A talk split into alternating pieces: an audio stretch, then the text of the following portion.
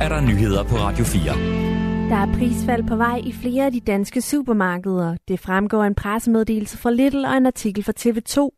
Man vil i den tyske kædes danske butikker allerede fra mandag kunne købe smør til en 10% lavere pris.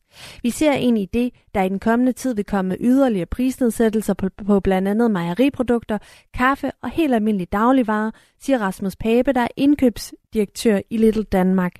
TV2 har spurgt Salling Gruber Dagrofa, om deres butikker kommer til at følge samme tendens. Salling, der har Føtex, Bilka og Netto og Basalt, oplyser til, til TV2, at de også ser priserne falde på en lang række varegrupper, da de forventer prisfald hos leverandørerne. Der er dog ingen meldinger om, hvilke varer og hvornår det vil ske. I dag blev det meldt ud, at Lars Bøje Mathisen er fortid som formand for Nye Borgerlige. Partiets hovedbestyrelse har ekskluderet Lars Bøje fra Folketingsgruppen og partiet, og til TV2 Østjylland tordner han nu imod den tidligere ledelse. Jeg samlede en organisation, som var fuldstændig i ruiner. Et bagland, som overhovedet ikke følte sig hørt. Og det har jeg formået at vende på kort tid til fremgang blandt medlemmer og meningsmålinger, siger han til TV2 Østjylland. Han retter især skuden imod den tidligere leder Pernille Værmund.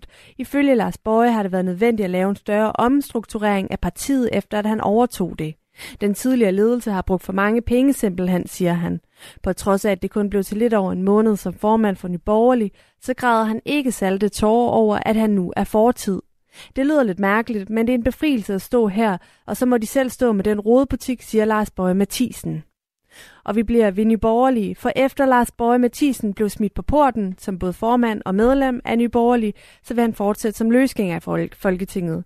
Skulle han alligevel gå på jagt efter et politisk fællesskab, så skal han ikke regne med en stol hos Nyborgerliges udbryderliste Frit Borgerligt Fællesskab, der ifølge dem selv er en landsdækkende lokalliste, der på sigt måske vil udfordre Nyborgerliges landspolit landspolitisk.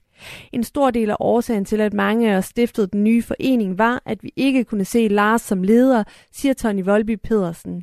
Han har stiftet Frit Borgerligt Fællesskab sammen med de tidligere nyborgerlige folk, Maria Liv Holk, Jesper Høgedal og ikke mindst nyborgerligs kortvarige næstformand, Henriette Erkemann. Rasmus Paludan er i Sverige blevet sigtet for at have ført hets mod en folkegruppe, samt for overgreb og fornærmelig tiltale mod tjenestemand. Det skriver Avisen Expressen. Rasmus Paludan nægter sig over for avisen skyldig i alle forhold. Forholdene skulle være sket i forbindelse med en koranafbrænding i Skånegården i Malmø den 16. april sidste år. Generelt kan jeg sige, at der har været meget snak om, at politiet i Malmø ville efterforske mig for hets mod folkegruppe. Jeg mener ikke, at jeg har begået hets mod en folkegruppe, hverken på Skånegården eller nogen andre steder, siger Rasmus Paludan til Expressen. Demonstrationen førte til voldsomme uroligheder i området med bilbrænde, stenkast og til skadekommende betjente og civile. Fungerende forsvarsminister Troels Lund Poulsen åbner for et scenarie, hvor han og Jakob Ellemann sammen kan færdiggøre et forsvarsforlig, hvis Ellemann vender tilbage fra sin sygemelding, mens der forhandles.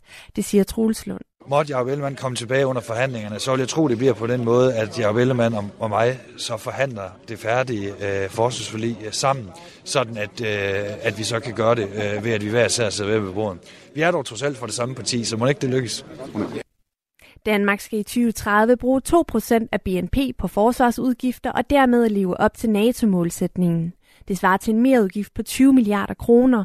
En del af forårets forhandlinger bliver derfor at finde ud af, hvordan de ekstra penge skal fordeles. Allerede nu er de indledende processer omkring udarbejdelsen af forsvarsforliget i gang.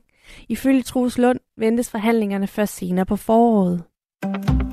Den katolske kirke i Tyskland kan fra marts 2026 velsigne homoseksuelle par. Det er i dag blevet besluttet i et udvalg, der arbejder med at reformere den katolske kirke i Tyskland.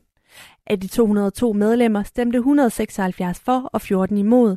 12 afstod fra at stemme. De tre år, der går inden beslutningen træder i kraft, skal bruges på at udarbejde et format for en ceremoni for par af samme køn. Tysklands biskopper skal deltage i dette arbejde, og reformarbejdet i Tysklands katolske kirker har været i gang siden 2019. Et af kravene i reformprocessen har været at få en velsignelsesceremoni for homoseksuelle par, og vejen mod reformationen er opstået som en reaktion på de skandaler om præsters seksuelle overgreb, der har præget den katolske kirke i de seneste år. I aften og nat skyde med sne eller sneblyer flere steder, og temperaturen ned mellem frysepunktet og cirka 8 graders frost. Det her det var nyhederne på Radio 4 med Malou.